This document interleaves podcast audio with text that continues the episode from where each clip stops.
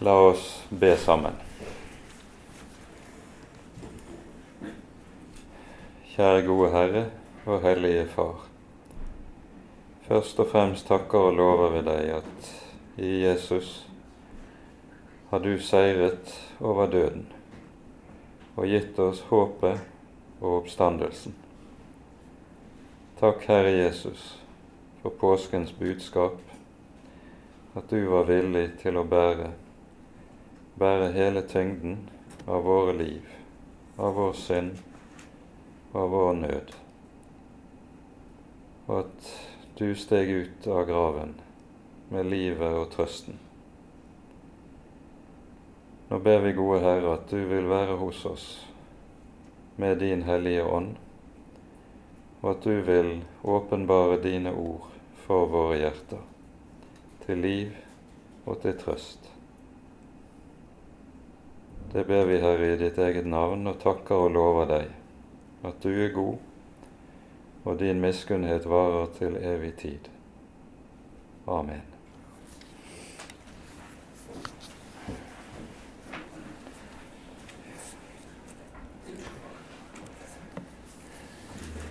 Vi er altså, som nevnt, nå ved avslutningen av Immanuelsboken. Eh, og denne delen av Jesaja-boken kalles jo Immanuelsboken pga. Immanuels navnet, som dukker opp så mange ganger som det gjør, og Immanuels person eh, møter oss som noe av hovedpersonen, som frelseren i disse kapitlene som vi her har for oss. Og med kapittel 11 så er vi inne i et av eh, Det gamle testamentets hovedavsnitt når det gjelder løftet om den kommende Messias. Vi skal begynne med å lese de to første versene av eh, kapittel 11 eh, før vi går videre. Men en kvist skal skyte frem av Isais stubb, og et skudd fra hans røtter skal bære frukt. Herrens ånd skal hvile over ham, visdoms- og forstandsånd, råds- og styrkes ånd, den ånd som gir kunnskap om Herren og frykt for ham. Med disse versene så møter vi en uhyre viktig eh, tematikk og et viktig Messias-navn i Det gamle testamentet, som er så godt som ukjent for de fleste eh, vanlige eh, bibellesere. Og det er navnet Spire. I Det gamle testamentet møter vi jo en hel rekke ulike navn på Messias, og ikke minst her i Immanuelsboken har vi hørt flere av disse. I kapittel 7 kalles den kommende frelseren for Immanuel. Og I kapittel 9, vers 6, hører vi at han får navnet Under, Rådgiver, Veldig Gud, Evig Far og Fredsfyrste. Den kommende frelser får altså en rekke ulike navn. Og disse navnene har det med seg alle sammen at de er innbegrep av og ulike uttrykk for hvem Frelseren er, og hva han skal gjøre, hva hans gjerning skal være. Her i kapittel 11 hører vi altså navnet Spire. Det kommer kanskje ikke så godt frem, men eh, i det første verset så er det to eh, betegnelser på hebraisk som begge peker i denne retningen. Først så står det om en kvist som skal skyte frem. Eh, Hotter det er en liten sped kvist som er i sin begynnelse. Og så et skudd som er det neste ordet, som på hebraisk er netzer. Og Netzer betyr nettopp et skudd eller en spire. Og eh, navnet Netzer, det er eh, roten til bynavnet Nasaret. Og dere vil gjerne huske at i Matteusevangeliet så er det slik at etter at Maria og Josef vender tilbake etter flukten til Egypt, så dirigeres de av Herren til Galilea og slår seg ned i byen Nasaret. Og dette står det skjer for at det skulle oppfylles hos profeten at han skulle kalles en nasareer, en netser. Og det er det som er bindeleddet i uh, Matteus 2, uh, eh, som altså peker tilbake her til Jesaja 11.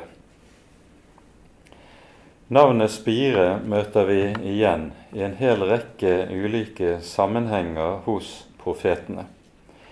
Eh, og vi skal peke ganske kort på noen av de viktigste. Først hos Jeremia i det 23. kapittel.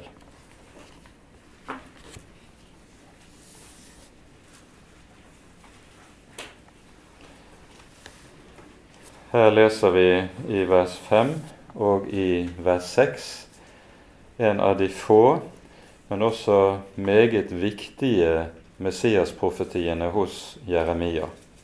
Jeremia er jo i all hovedsak en domsprofet som eh, varsler den nær forestående katastrofen for Juda og Jerusalem. Men det er noen få glimt der han ser frem mot frelsen som kommer. I Jeremia 23 hører vi i vers 5 og 6 det sies:" Se, dager kommer, sier Herren, da jeg vil la det stå frem for David en rettferdig spire. Han skal regjere som konge og gå frem med visdom og gjøre rett og rettferdighet i landet. I hans dager skal Juda bli frelst og Israel bo trygt. Dette er det navn han skal kalles med, Herren vår rettferdighet. Og Her hører vi altså enda et nytt Messias navn i Det gamle testamentet. Og Navnet her er altså Herren vår rettferdighet. Med dette sies det at denne Davids sønn, som en dag skal komme, han er Herren i sin person, altså Israels Gud, og han er vår rettferdighet. Guds folks rettferdighet består altså ikke i noe de selv er eller kan være eller få til, men det er en person. Vår rettferdighet for Gud er personen Messias, slik som det pekes på ham i dette, disse versene. Hos profeten Zakaria møter vi også spirenavnet. Og eh, i det hele tatt er det slik at eh, Jesaja, unnskyld, Zakarias-boken eh, i veldig mange sammenhenger peker tilbake nettopp til eh, dette avsnittet hos Jesajas som vi er inne i i kveld.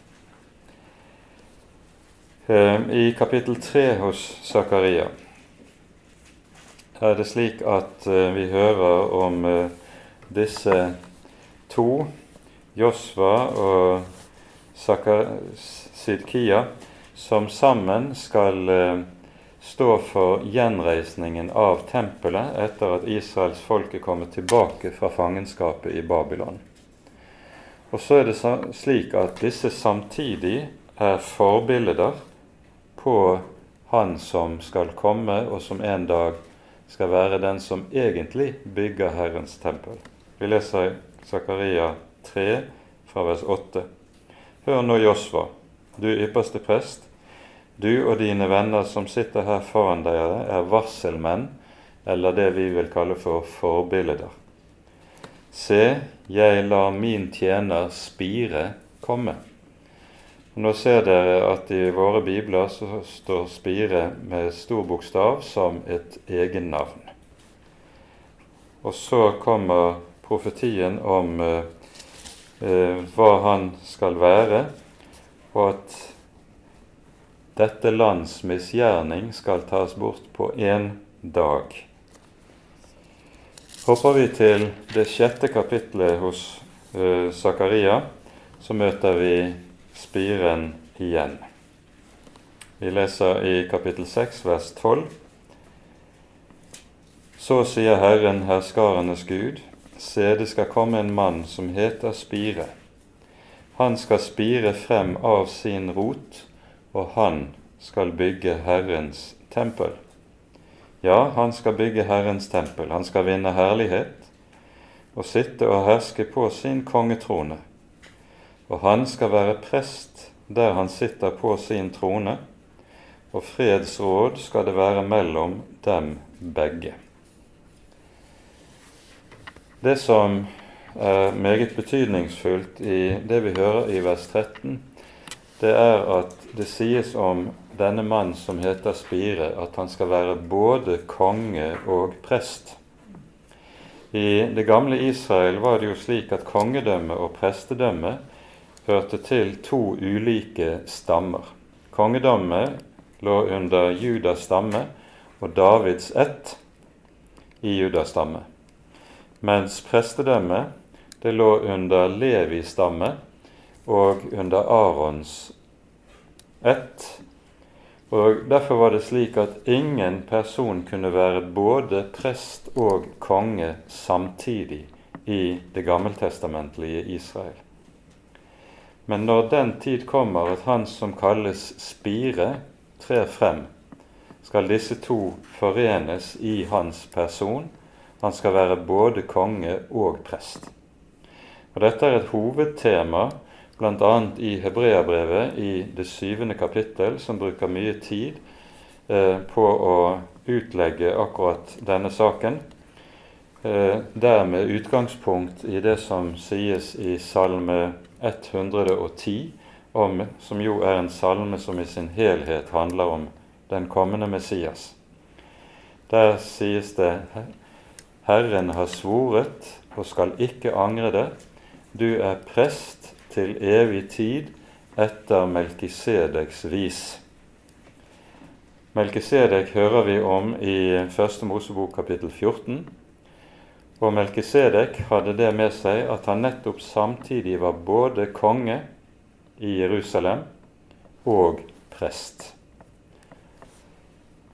Så det er det som er særlig viktig i akkurat denne teksten. Så dere ser spirenavnet knyttes til helt sentrale deler av Messias gjerning, slik vi møter det. Nå kunne man spørre seg hva er det som gjør at navnet Spire dukker opp på denne måten. Bakgrunnen er det vi hører om i det tiende kapittel i avslutningen av dette. Det er jo slik at vi har sett eh, at disse kapitlene de bærer i seg tunge domsutsagn fra Herren om Israels folk. Og så ikke minst gjelder dette det tiende kapittel. Og mot slutten av det tiende kapittel så hører vi hvorledes Asyria skal fare frem. Vi leser fra vers 28. Eh, Her er det tale om eh, Sankeribs hær, som rykker frem fra nord mot Jerusalem. Han kommer over Ayat, drar frem gjennom Migron. I Mikmas lar han sine forsyninger bli igjen. De drar gjennom skaret og sier i Geba vil vi bli natten over. Rama bever. Sauls Gibea flykter. Skrik høyt, du Galims datter. Gi akt, Laisha arme Anatot. Madmena flykter, Gebims innbyggere bringer sitt gods i sikkerhet. Allerede samme dag står han i Nåb. Da svinger han sin hånd mot Sions datters berg, mot Jerusalems høyde. Se, Herren, herskarenes Gud, hogger av de løvrike grener med skremmende kraft. De ranke og kneisende trær hogges ned, og de høye blir lave. Den tette skog hogges ned med øks, Libanon faller for den veldige. Tankegangen her er at Israels folk er dette treet som hogges ned. De har båret dårlig frukt. De har, og de har vært det treet som Herren har plantet, men som ikke har båret den gode frukt Herren ventet. Og så gjør Herren med dette treet som gartneren gjør med ufruktbare trær. Han hogger det ned. Når det står at Libanon faller for den veldige, så er dette et stående uttrykk. Eh, fordi Libanon er et dekknavn ifølge eh, de jødiske lærde, så er det et dekknavn for tempelet i Jerusalem.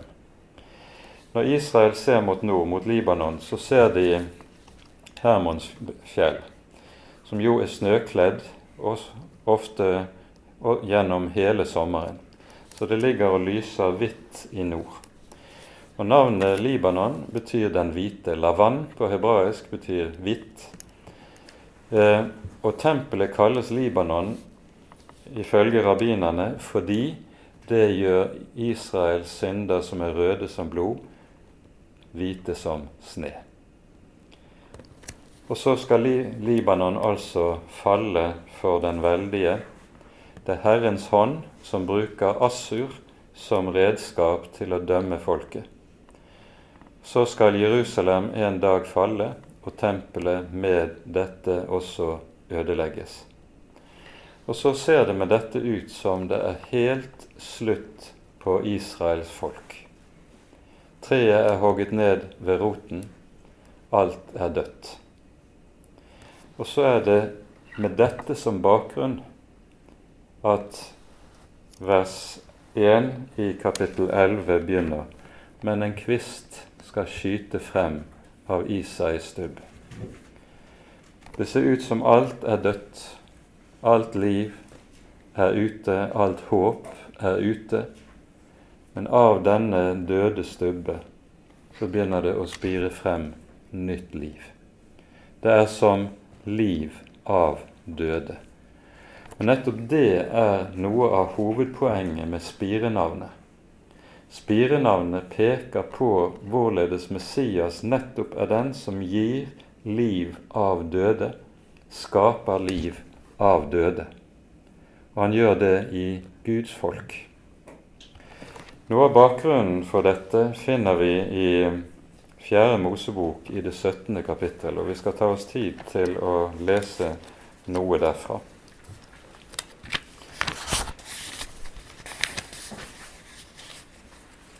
Bakgrunnen for det vi hører i 4. Mosebok kapittel 17, er det som vi leser i kapittel 16, der det har vært et veldig opprør mot Moses og mot Aron.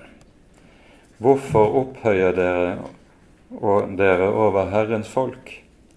Er ikke hele Guds folk hellige? Er vi ikke alle like for Guds ansikt? Og så begrunnes opprøret mot Moses og Aron så å si i det allmenne prestedømmet. Vi skal ikke gå nærmere inn på det. Og Det er et veldig eh, opprør som Gud besvarer. Eh, og vi hører det får meget ulykkelige konsekvenser. Og så kommer kapittel 17, der poenget er at Gud nå vil demonstrere og åpenbare for Israels folk hva som er hensikten med utvelgelsen av Aron. Det som skjer her, er det at Moses får befaling om at alle de ulike høvdingene for Israels tolv stammer skal avlevere hver sin vandringsstav. De skal skrive inn navnene på sine på vandringsstaven, Og så skal de legge vandringsstaven inne i tabernaklet foran Guds ansikt over natten. Aron skal, for Aron skal Moses' vandringsstav legges inn. Det er jo den staven som Moses har gått med, vandret med gjennom 40 års ørkenvandring. Og så leser vi eh, fra vers 4. Herren sier til Moses, du skal legge disse stavene i sammenkomstens telt foran vitnesbyrdet, der hvor jeg kommer sammen med dere, altså i det aller helligste. Da skal det skje at staven til den mann som jeg utvelger, skal spire. Så får jeg vel fred for Israels barns knurr, som de plager dere med. Så talte Moses til Israels barn, og alle høvdingene ga ham hver sin stav. Det var én stav for hver stamme i alt tolv staver, og Arons stav var mellom de andres. Moses la så stavene ned for Herrens åsyn i vitnesbyrdets telt. Da Moses dagen etter kom inn i vitnesbyrdets telt, fikk han se at Arons stav, den som var for Levis hus, hadde spirt. Den hadde både skutt spirer, satt blomster og fått modne mandler. Her er poenget det at ved det som skjer her, at denne tørre vandringsstaven begynner å spire, blomstre og sette frukt, så skapes det altså liv av døde. Og Nettopp det er poenget med Guds utvelgelse av Aron, når han innstifter en tjeneste til soning for folket der Aron som stedfortreder skal sone for folkets synder, så er denne soningens tjeneste nettopp det som skaper liv av døde, uten hvilken folket ikke ville kunne leve, uten hvilken folket ikke ville kunne overleve. Og Det er dette, det er akkurat samme tankegangen vi altså møter igjen i Jesaja 11 når vi hører om Han som kalles spire. Her skapes der liv av døde. Og Dette er et av Det gamle testamentets pek hen imot det at det er en oppstandelse fra de døde. Messias skal stå opp.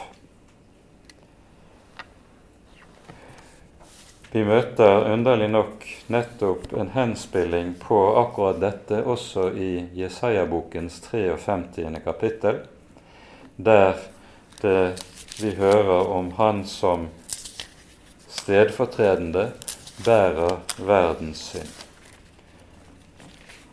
I kapittel 53 står det sånn i vers 2 han skjøt opp som en kvist for hans åsyn, som et rotskudd av tørr jord. Hva er det som spirer av tørr jord? Det er ingenting. Når noe spirer i tørr jord, så er det et under. Det er nettopp det hans fremtreden, og aller mest hans oppstandelse er. Det er at det spirer av tørr jord. Det blir liv av døde. Det er dette spirenavnet altså skal angi for oss og peke på for oss. At når Messias kommer, så er det ikke bare slik at han for sitt eget vedkommende står opp fra de døde, like som Arons stav, men han blir til liv for de døde. Han er den som kommer med frelse for de som er under dommen. Slik som vi har sett, dette er noe av et hovedtema gjennom hele dette, denne delen av Jesaja-boken. Messias kommer til et folk som er under Guds dom, for å frelse de som er under dommen. Når det sies her i det, det første verset at kvisten skal skyte frem av Isais stubb, og at det ikke sies av Davids stubb, for det ville vi jo kanskje kunne forvente. Så er det slik at med navnet Isai, så er det jo Isai var Davids far. Og eh, Davids hus, fars hus, hørte til en meget fattig og ikke høyt aktet familie i Betlehem. Og Når det pekes på eh, det som er situasjonen her, at han skal skyte frem av Isais stubb, så peker det hen til at på denne tid så skal Davids hus være redusert til den samme foraktede stilling som farshuset hadde før David ble kalt til og salvet til konge. Dette er det noe som eh, også profeten Amos eh, peker hen imot når det taler om at Herren på den tid, altså på frelsens dag, skal gjenreise Davids falne hytte. Det leser vi om i, hos eh, Amos i det niende kapittelet. Davids hus skal være redusert noe som nettopp skjer i den domstid som nå ligger foran. Og så sies det et skudd fra hans rot skal bære frukt. Israels hus har ikke båret frukt. De har bare båret dårlig frukt. Men han, han skal bære den frukt som Herren har sett etter. Og det er dette som vi her hører som er bakteppet for Jesu tale om forskjellen på det gode tre og det dårlige tre, som vi hører flere ganger i evangeliene, både Matteus 7 og Matteus 12. Et dårlig tre kan ikke bære god frukt, sier Jesus. Uansett hva du gjør, det kan ikke bære god frukt. Den falne menneskehet, og ikke minst Israels folk, er et dårlig tre som ikke kan bære god frukt. Det gode tre som bærer den gode frukt, det er Jesu Kristi person. Han er det gode tre. Og det blir god frukt i våre liv utelukkende ved at vi podes inn til å bli grener på Han som er det gode tre. Kun da. Og Dette er en tankegang som gjennomsyrer Det nye testamentet. Så hører vi i det neste verset, i vers 2, om hva som skal kjennetegne denne spiren.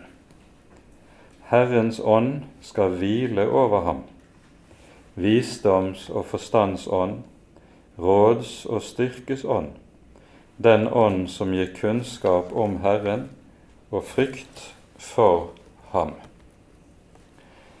Hos Jesaja er det slik at vi i en rekke sammenhenger hører om Messias ånds utrustning.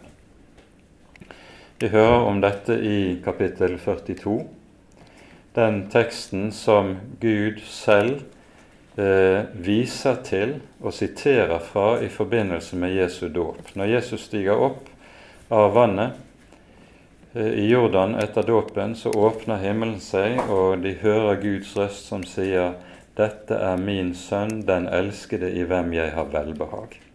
Og Det er en henspilling på Jesaja 42, 1. Og Der er det nettopp tale om hvorledes Herrens elskede tjener, Herrens utvalgte, er bærer av Den hellige ånd. Og så kommer Ånden ned over Jesus i forbindelse med hans dåp. Den tredje viktige teksten hos Jesaja som eh, taler om Messias åndsutrustning, finner du i kapittel 61. Det er den teksten som Jesus får seg forelagt når han er i synagogen i Nasaret, og som vi hører om i Lukasevangeliets fjerde kapittel. Det er mange som utlegger denne teksten som at Jesus taler over selvvalgt tekst i synagogen i Nasaret. Slik er det ikke.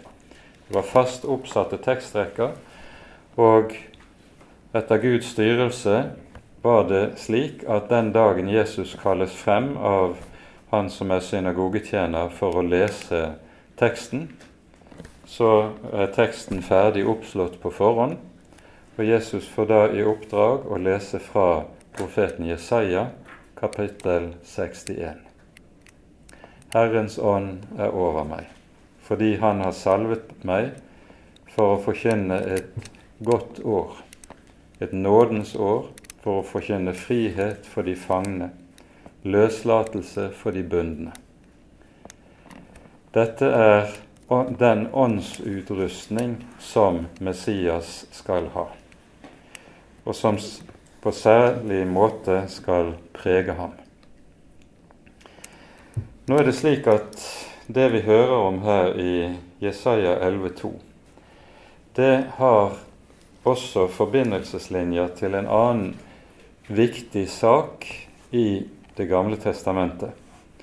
Og det er den syvarmede lysestaken. Det er nemlig slik at åndens tall ifølge Bibelen er syvtallet. Dette hører med til tallsymbolikken i Bibelen. Og Bakgrunnen for dette syvtallet er nettopp det vi leser her i vers 2. Den syvarmede lysestaken er jo slik Vi har jo en stående bak der i salen, der du har stammen som der springer ut seks grener fra. Stammen er det vi hører Herrens ånd. Og så kommer de seks grenene, som er visdomsånd, forstandsånd, rådsånd, styrkesånd, kunnskap og frykt. Og i eh, Sakarias-boken, i det fjerde kapittel, så kobles nettopp talen om Guds ånd sammen med talen om den syvarmede lysestaken i helligdommen. Og vi tar oss tid til å vende tilbake til Zakaria, det er det fjerde kapittelet. Vi leser først fra vers 2. Han sa til meg, Hva ser du? Jeg, en, jeg svarte, Jeg ser en lysestake som er helt igjennom av gull. På toppen har den et oljekar, og den har sju lamper med sju rød til hver av lampene som er på den. Og to oljetrær står på hver siden av den, ett på høyre og ett på venstre side av oljekaret. Og så ledes oljen fra oljetreet til lampene, slik at de skinner i helligdommen. Og så lurer Josva på hva dette betyr. Og så får han svaret i vers 6. Engelen tok til orde og sa til meg, dette er Herrens ord til Serobabel, ikke ved makt og ikke ved kraft, men ved min ånd, sier Herren, herskarenes Gud. Så kobles syvarmede lysestaken i helligdommen sammen med Herrens ånd. Og Nettopp dette, denne forbindelsen møter vi igjen i Johannes' åpenbaring i tre ulike sammenhenger. Det tales allerede i kapittel 1 i åpenbaringsboken om de syv eh, fakler som brenner for Guds trone, som er de syv Guds ånder, forklares det uttrykkelig. Det samme gjentas også i kapittel 4 når Johannes får se et glimt inn i den himmelske helligdommen. Da er de syv fakler, den syvarmede lysestaken, som er de syv Guds ånder. For syvtallet er i Bibelen fullkommenhetens tall.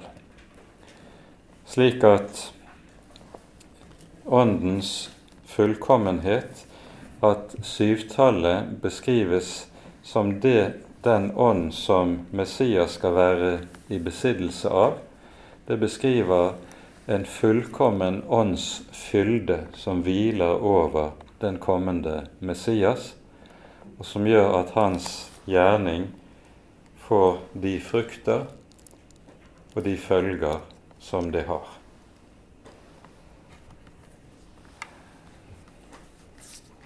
Vi kan ganske kort også si noen få ord om disse ulike begrepene som anvendes her. Først visdom og forstand. Visdom er i Det gamle testamentet et begrep som betegner dybden i erkjennelsen. Det er erkjennelsens dybde.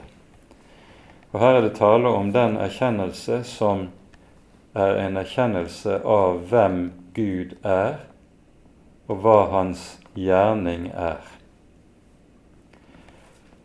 Det er visdommen.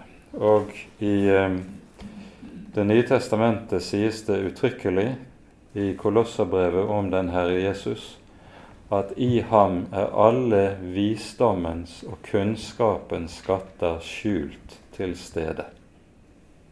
Det gjelder om den Herre Jesus Kristus. Visdomsbegrepet er i Bibelen og i hebraisk tenkning meget forskjellig fra visdomstenkningen i gresk tradisjon og i gresk filosofi. I gresk filosofi er det en spekulativ eh, tenkning som ofte er tørr intellektualisme. Noe slikt finner du ikke i Det gamle testamentet. Visdommen er annerledes. Den er kjennetegnet av at den står i et personforhold til Han som er den levende og den eneste sanne Gud. For det andre tales det om forstand. Her brukes det et eget ord på hebraisk som innebærer evnen til å se forskjell, til å skjelne mellom hellig og vanhellig, til å skjelne mellom rent og urent, mellom godt og ondt. Dette hører vi i um, Mosebøkene var noe av eh, Arons hus sin oppgave. Det var å lære folket å se forskjell på hellig og vanhellig. For det som kjennetegner det falne mennesket, er at det nettopp blander hellig og vanhellig, blander rent og urent, og på denne måten aldri er i stand til å se klart. Denne klarhet, den er et grunnleggende kjennetegn ved Guds sønn og i hans fremtreden. Så kommer råds- og styrkes ånd. Med disse to begrepene så gripes det tilbake til navnene som Messias får og benevnes med i kapittel 9, vers 6. Et barn er oss født, en sønn er oss gitt. Og så kalles han altså for rådgiver og veldig Gud. Og ordet styrke det er, går tilbake på dette med Guds veldes kraft, som ligger i begrepene. Og så til slutt den ånd som gir kunnskap om Herren og frykt for ham.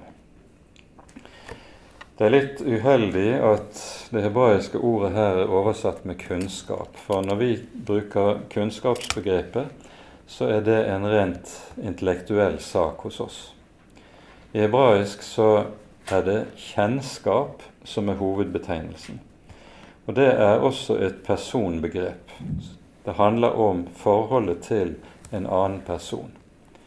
Du kan ha en god del kunnskap om en bestemt person uten noensinne å ha truffet ham. Men når du møter ham, lærer ham å kjenne gjennom stadig omgang, så får du kjennskap. Og det er det dette hebraiske ordet betegner. Det betegner altså det kjennskap til Gud som springer frem av fellesskap med Herren. Og kanskje kunne vi i denne sammenheng, når det sies at dette er den ånd som gir kunnskap om Herren og frykt for ham, eh, minne om ordene i Salme 25.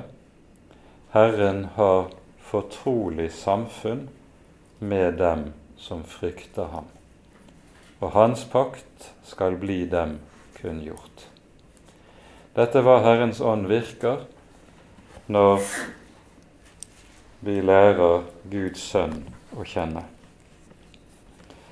så fortsetter teksten med å tale om hvorledes hans kongsgjerning skal arte seg.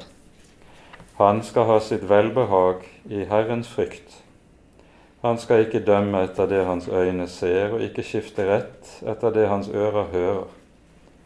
Han skal dømme de små i samfunnet med rettferdighet, og skifte rett med rettvishet for de nedbøyde på jorden.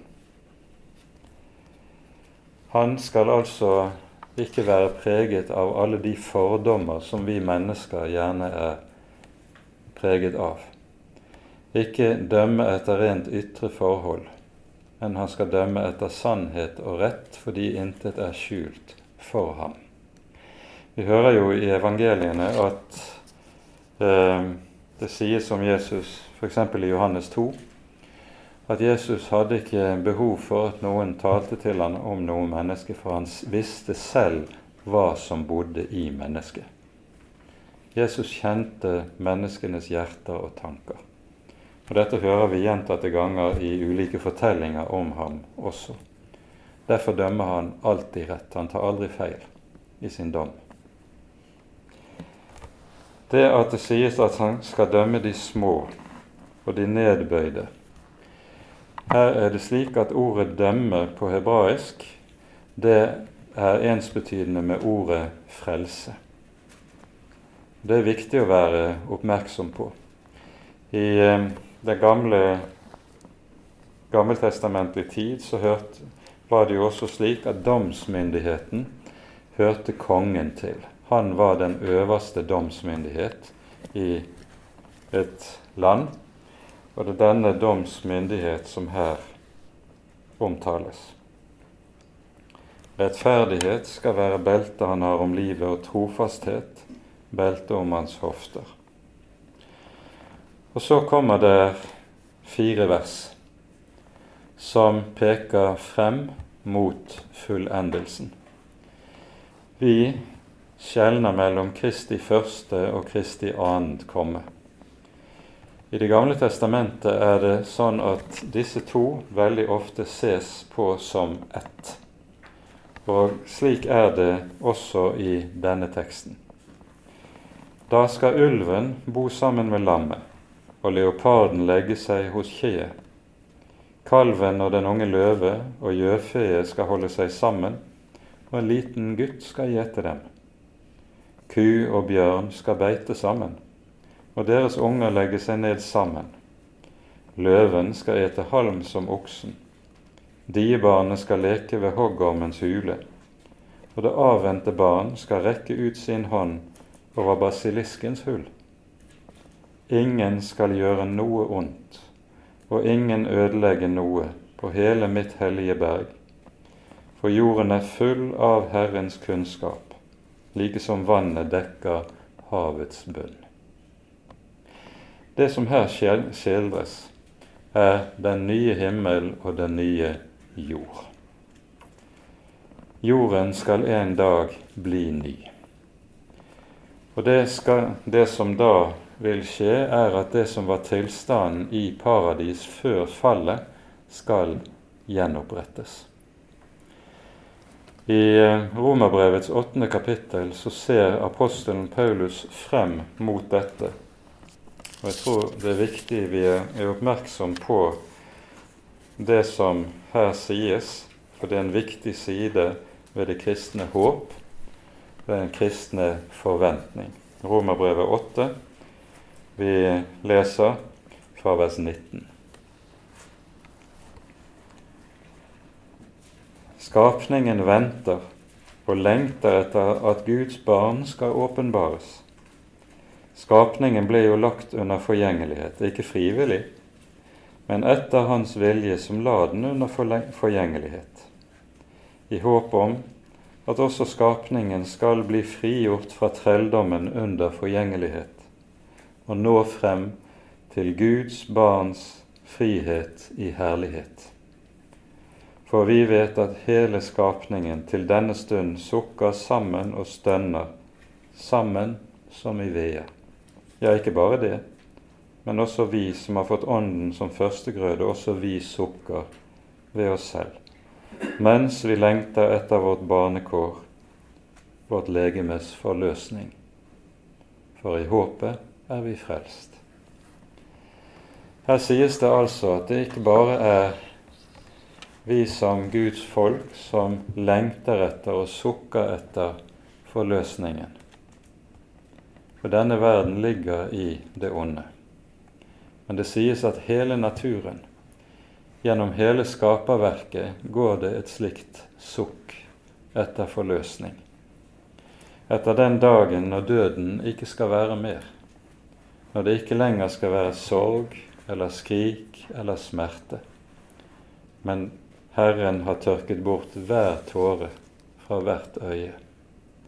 Det er, dette, det er denne lengsel, det er dette sukk som går gjennom skaperverket. Og det er det vi altså får tegnet for oss i bildene som vi hører her i Isaiah 11. I noen av salmene i Salmenes bok så ses det også frem imot denne dagen. Og jeg tror vi tar oss tid til å lese fra vers, par vers fra Salme 96.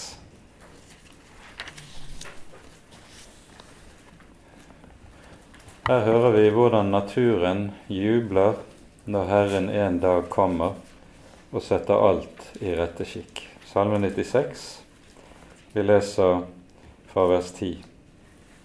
Si blant hedningene, Herren er blitt konge, og jorden står fast. Den rokkes ikke. Han dømmer folkene med rettvishet. Himmelen gleder seg, og jorden fryder seg. Havet bruser og alt som fyller det. Marken fryder seg og alt det som er på den. Da jubler alle trær i skogen. For Herrens åsyn. For Han kommer. Det som du hører Trærne står og klapper i hender for Han som en dag kommer og skal forløse hele skaperverket. Dette er altså noe av bibelske, eh, det bibelske håp som tegnes for oss. Her i tiden ødelegger vi jorden. Det mennesket som med sin synd ødelegger jorden og ødelegger skaperverket. En dag skal alt gjenreises og gjenopprettes. Så kommer vi videre til det tiende til det tolvte verset i Jesaja 11. Og Her møter vi på ny viktige eh, linjer i Messias-profetien. På den tid skal hedningefolkene søke til Isais rotskudd, som står som et banner for folkeslagene, og hans bolig skal være herlighet. Det som eh, vi her møter, det er et vers som utgjør bindeleddet i Det gamle testamentet mellom Johannes 3, 14 og beretningen om kobberslangen i Fjerde Mosebok kapittel 21. I eh, Johannes 3, 14 så besvarer eh, Jesus Nikodemus spørsmål hvordan kan et menneske bli født på ny, med å si like som Moses opphøyet slangen i ørkenen, således skal menneskesønnen opphøyes for at hver den som tror på ham, skal ha evig liv. Og i det tolvte kapittelet taler Jesus på ny om denne opphøyelse, når han sier når menneskesønnen blir opphøyet fra jorden, skal han dra alle til seg. Det er dette vi hører her i uh, Jesaja 11,10. Og Poenget her er at det står det uttrykket som anvendes, et banner for folkeslag. Det hebraiske ordet for banner er det ordet som anvendes i 4. Mosebok kapittel 21 om kobberslangen. Kobberslangen reises opp like som et banner på en stake. Og så lyder løftet til folket som er under Guds dom av bestemt synd. Hver den som ser på slangen, skal leve. Det er løftet. Og på samme måte er det Guds sønn skal opphøyes på en stake med det løftet hver den som ser ham, skal leve. Han skal ha evig liv. Og Derfor sies det 'hans bolig skal være herlighet'. Dette gjentas så i vers 12, men da om, ikke om hedningefolkene, slik det står i vers 10, men om Israels to riker, som har ligget i strid like siden riksdelingen etter Salomos død, så har Nordriket vært i strid med Sydriket. Efraim har kjempet mot Juda. Men denne dagen skal Herren samle Israels rest. Og på ny møter vi talen om Israels rest, den lille rest av folket som blir tilbake etter dommen, som skal bli frelst. Og hvorledes skal de bli frelst? På samme måte som Israel ble det ved korbaslangen i ørkenen. Ved å se og leve. Slik ser altså profeten Jesajas fremover, og vi forstår at denne teksten her i kapittel eh, 11 den er helt sentral for en rekke eh, tekster i Det nye testamentet. Eh, i det den også binder sammen sentrale gammeltestamentlige ideer og peker dem inn mot det som vi hører om den Herre Jesus i Det nye testamentet. Han er spiren som gir liv av døde. Han er kobberslangen som ble opphøyet på staken for å gi liv til de som er under dommen. Og så er det frelsens tid som med dette altså innvarsles her i dette kapittelet. Avsnittet her i Immanuelsboken slutter så med kapittel 12. Og kapittel 12 er den lovsangen som skal lyde på den dag, altså på den dag når Messias fullbyrder sin frelse. Så kapittel 12 i Jesaja-boken burde egentlig vært en lovsang som ble sunget stadig hos oss i våre gudstjenester.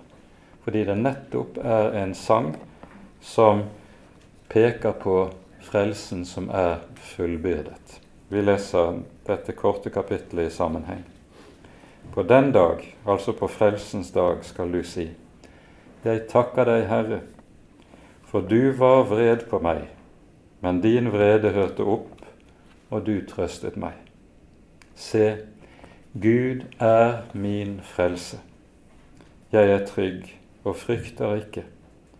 For Herren, Herren er min styrke og lovsang, og Han ble meg til frelse.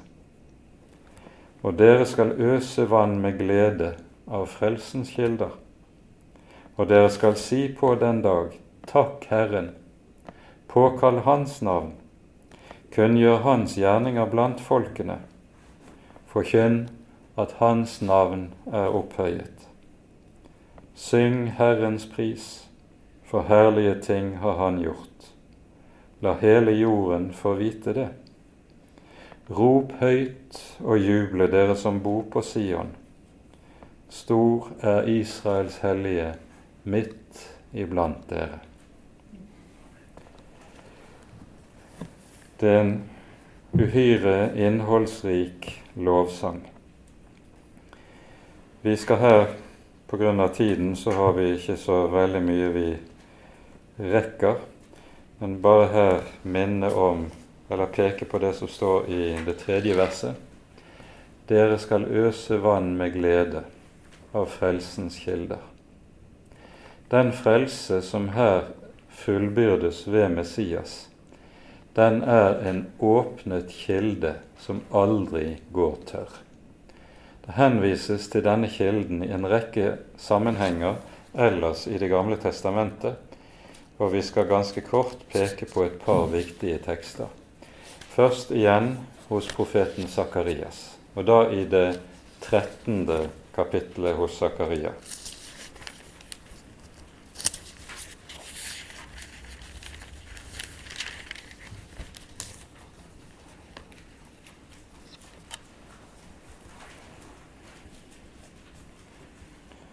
Her står det slik i det første verset i kapittel 13.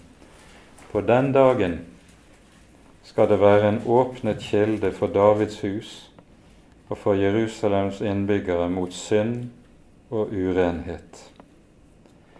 Det er en kilde som vasker vekk synden. Det er det som skjer ved syndenes forlatelse. Og når det her står 'på den dagen', så vises det til det som står i foregående kapittel, den dagen Israels folk skal se frelsen.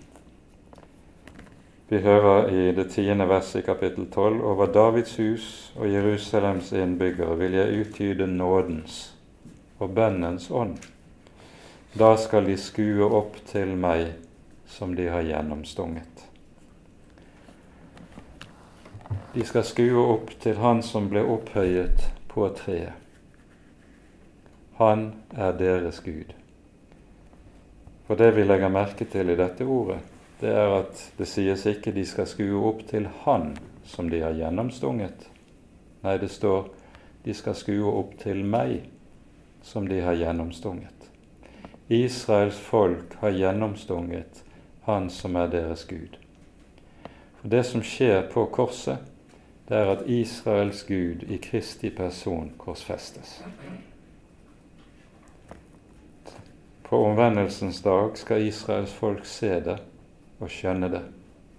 Og så skal det være en åpnet kilde. For fra denne kilden så renner syndenes forlatelse, som renser fra all synd og all urenhet. Hos eh, profeten Jeremia hører vi om den samme kilden i det 17. kapittel.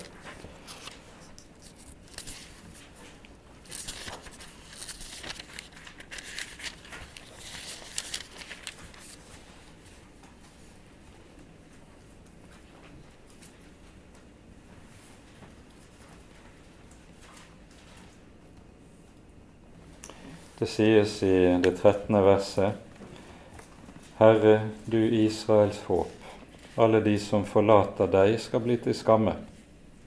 De som viker fra deg, skal skrives i støvet. For de har forlatt kilden med det levende vann, Herren. Og i Salme 46, som vi har vært innom tidligere i forbindelse med gjennomgangen av disse kapitlene, så står det om den strøm, den stille bekken, som gleder Guds stad, Herrens hellige bolig. For vårt vedkommende så er det også en annen tekst som blir uhyre betydningsfull i denne sammenheng. Det var nemlig slik i Jerusalem at på løvhyttefesten på Jesu tid Løvhyttefesten ble feiret over eh, syv pluss syv dager pluss én dag, så gikk det hver morgen ifra tempelet en høytidelig prosesjon ned fra tempelplassen til Siloadammen, eh, som lå et godt stykke nede i bunnen av dalen. De som har vært i Jerusalem, vil vite hvordan det er. Det gikk, var en egen trapp som var bygget direkte fra tempelet og gikk ned til Siloadammen. Der ble fylte ypperstepresten en skål av gull med vannet fra Siloadammen. Og så gikk han sammen med folket, det var en stor skare som gikk sammen, opp igjen til tempelet med vannet derfra, mens folket sang lovsangene fra Salme 113 til Salme 118. Hosianna i det høyeste, Herre frels dog, Herre la det dog lykkes. som vi hører i Salme 118. Og så når de kom opp til tempelet, så ble, gikk man i prosesjon rundt alt, det store alteret som sto utenfor helligdommen. Og vannet ble helt ut ved alterets fot mens de leste ordene her fra Jesaja 12. Dere skal øse vann med glede av frelsens kilder. På dette, nettopp ved denne tid, på dette tidspunktet, er det vi leser i Johannes evangeliets syvende kapittel hva som skjer.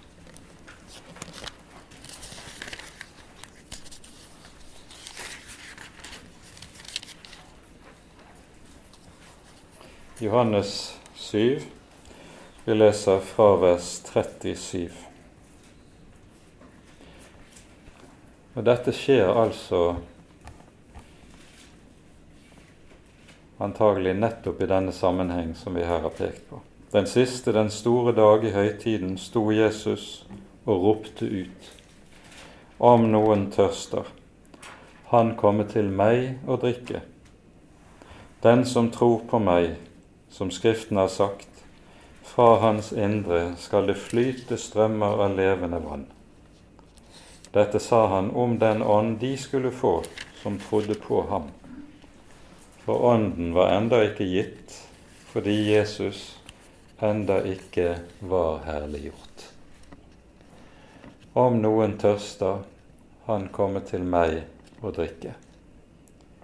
For det er han som er frelsens vannrike kilde.